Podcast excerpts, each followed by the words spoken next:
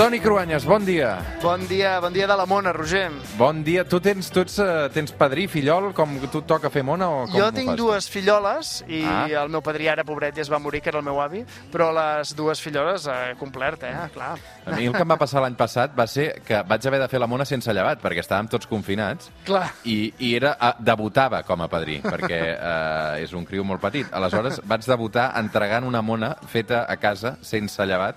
Realment eh, aquest any intentaré superar, eh, per no tinc gaire difícil. Home, la que els nens es fan més grans eh, ja no cola, eh? Ja volen mones amb la forma del Harry Potter o del Mic o de coses així, eh? Això de els pastissos Sí, sí. de casa. Escolta'm, Toni, vist que fas vacances aquests dies, quan tornes al TN? Dimarts, dimarts, ja he fet vacances de calendari escolar aquesta vegada. Dimarts tornem. Tot i així, avui una altra història cada diumenge. A aquesta hora el Toni Cruanyes ens acompanya. Avui tens molta teca i no sé si tindrem per repassar-ho tindrem temps per repassar-ho tot, A Toni. veure, jo volia explicar conceptes bàsics de Setmana Santa perquè trobo que ara que la història religiosa no s'ensenya a les escoles, doncs hi ha tota una part de la cultura tradicional i de la història que els nens i nenes no saben. A veure, que a les escoles no s'ha de fer catequesi, eh? ni proselitisme de l'Església Catòlica, això està clar. El que vols recordar, però, són algunes escenes de la vida de Jesús que han tingut repercussió en l'art, en la literatura o, o en la cultura popular, no? Exacte, sí, mira, avui farem una mena de curs express de Setmana Santa, o almenys de Pasqua. Serà un pim-pam, va. A veure, el que es coneix com a Tridu Pasqual, que és quan la tradició comença a commemorar la passió, la mort i la resurrecció de Jesucrist, de fet comença, va començar fa uns dies, dijous sant. Preneu i mengeu-ne tots, que això és el meu cos entregat per vosaltres. Igualment, havent sopat, prengué el calze, Això és el, els catòlics ho repeteixen a totes les misses, és una representació de l'últim sopar que Jesús va fer amb els seus apòstols. Sí, quan Jesús sabia que l'havien de detenir i condemnar a mort, va convocar els 12 apòstols a un últim sopar ple de simbologia. Per exemple, Jesús va rentar els peus a tots, com una mostra d'hospitalitat i d'humilitat.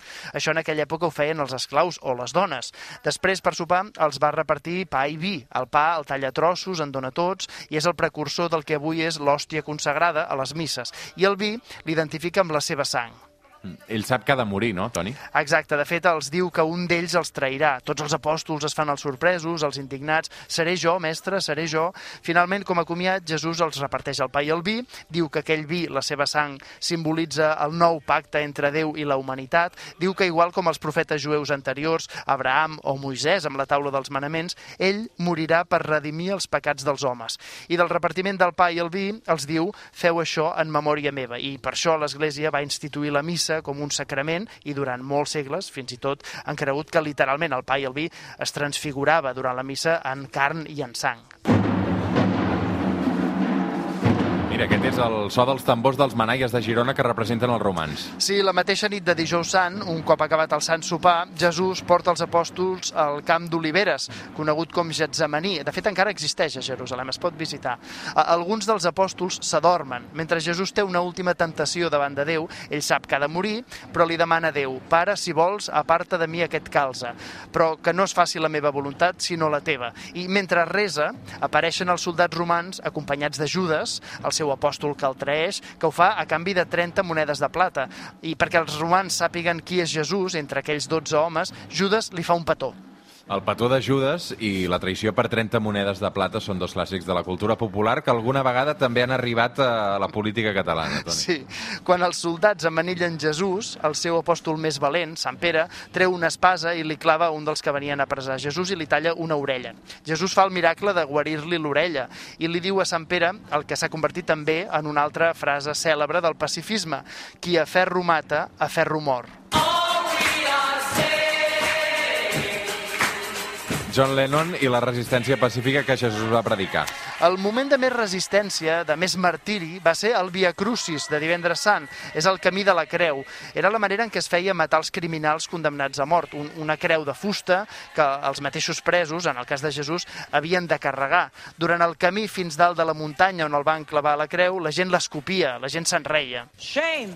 Shame! Shame! Shame.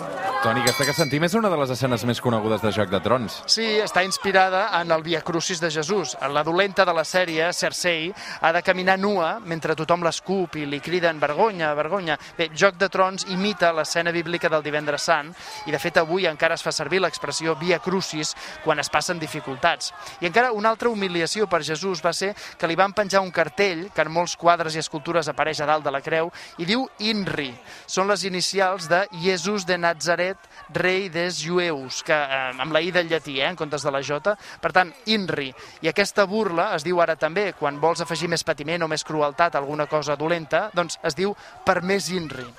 Estàs fent una mica de Mario Serra amb tanta expressió i frase feta, eh? Va, vinga, ja, ja arribem al diumenge de Pasqua. I glòria perquè se suposa que Jesús va ressuscitar el tercer dia, no? La tradició jueva té números sagrats, que són els números perfectes. Té a veure amb la càbala, que és una branca del judaïsme que es basa en la numerologia. El 12, per exemple, és un número perfecte, els 12 apòstols, les 12 tribus d'Israel, o el 40, els 40 anys al desert del poble jueu quan fugia d'Egipte. El 3 també és molt important. Jesús va morir amb 33 anys, a les 3 de la tarda del divendres sant, i va ressuscitar al cap de 3 dies. I de la resurrecció de Jesús eh, no hi ha cap evidència científica per això. Home, a veure, si ens posem científics, ni l'existència mateixa de Jesús la podem certificar al 100%, la veritat. Però vaja, segons la tradició cristiana, a Jesús el van clavar a la creu al costat de dos lladres, un de bo i un de dolent, tres una altra vegada. Eh? El primer, el bo, es va penedir del que havia fet i Jesús li va dir aquell mateix dia estaràs amb mi al paradís. La tradició diu que el lladre bo és Sant Dimes. A Jesús després el van enterrar a la tomba d'un ciutadà privat, Josep d'Arimatea. Van fer-ho així per no deixar-lo en una fossa comuna. Després d'ungir-lo, d'embolcallar-lo amb una tela, que era la tradició, el seu cos va desaparèixer. I, de fet, encara avui a Turia, Itàlia, es guarda el que anomenen el llençol sant, que seria com la tela mortuòria de Jesús en què s'hi veu la seva cara marcada. Això tampoc científicament es pot demostrar. Eh? Escolta'm, i si el seu cos va desaparèixer, per què es creu que va ressuscitar? Doncs perquè els seus apòstols diuen que se'ls va aparèixer en diverses ocasions i a gent diferent durant el lapse de 40 dies posteriors a la seva mort. Una altra vegada, el número perfecte del 40. I aquest període de 40 dies entre la presumpta resurrecció i la també presumpta ascensió al cel definitiva, on seu a la dreta del pare, doncs aquest període és el que va de la Pasqua d'avui a la segona Pasqua i també a les celebracions de Pentecosta, Corpus, etc. I per què cada any la Pasqua i la Setmana Santa cauen en dies diferents del calendari, Toni? Perquè els cristians, que inicialment eren una secta del judaïsme, van decidir celebrar la resurrecció de Jesús el dia en què els jueus ja celebraven la seva Pasqua, que és la que correspon a la fugida d'Egipte i al retorn a Israel. En hebreu es diu Pesach, que vol dir pas, el pas pel desert.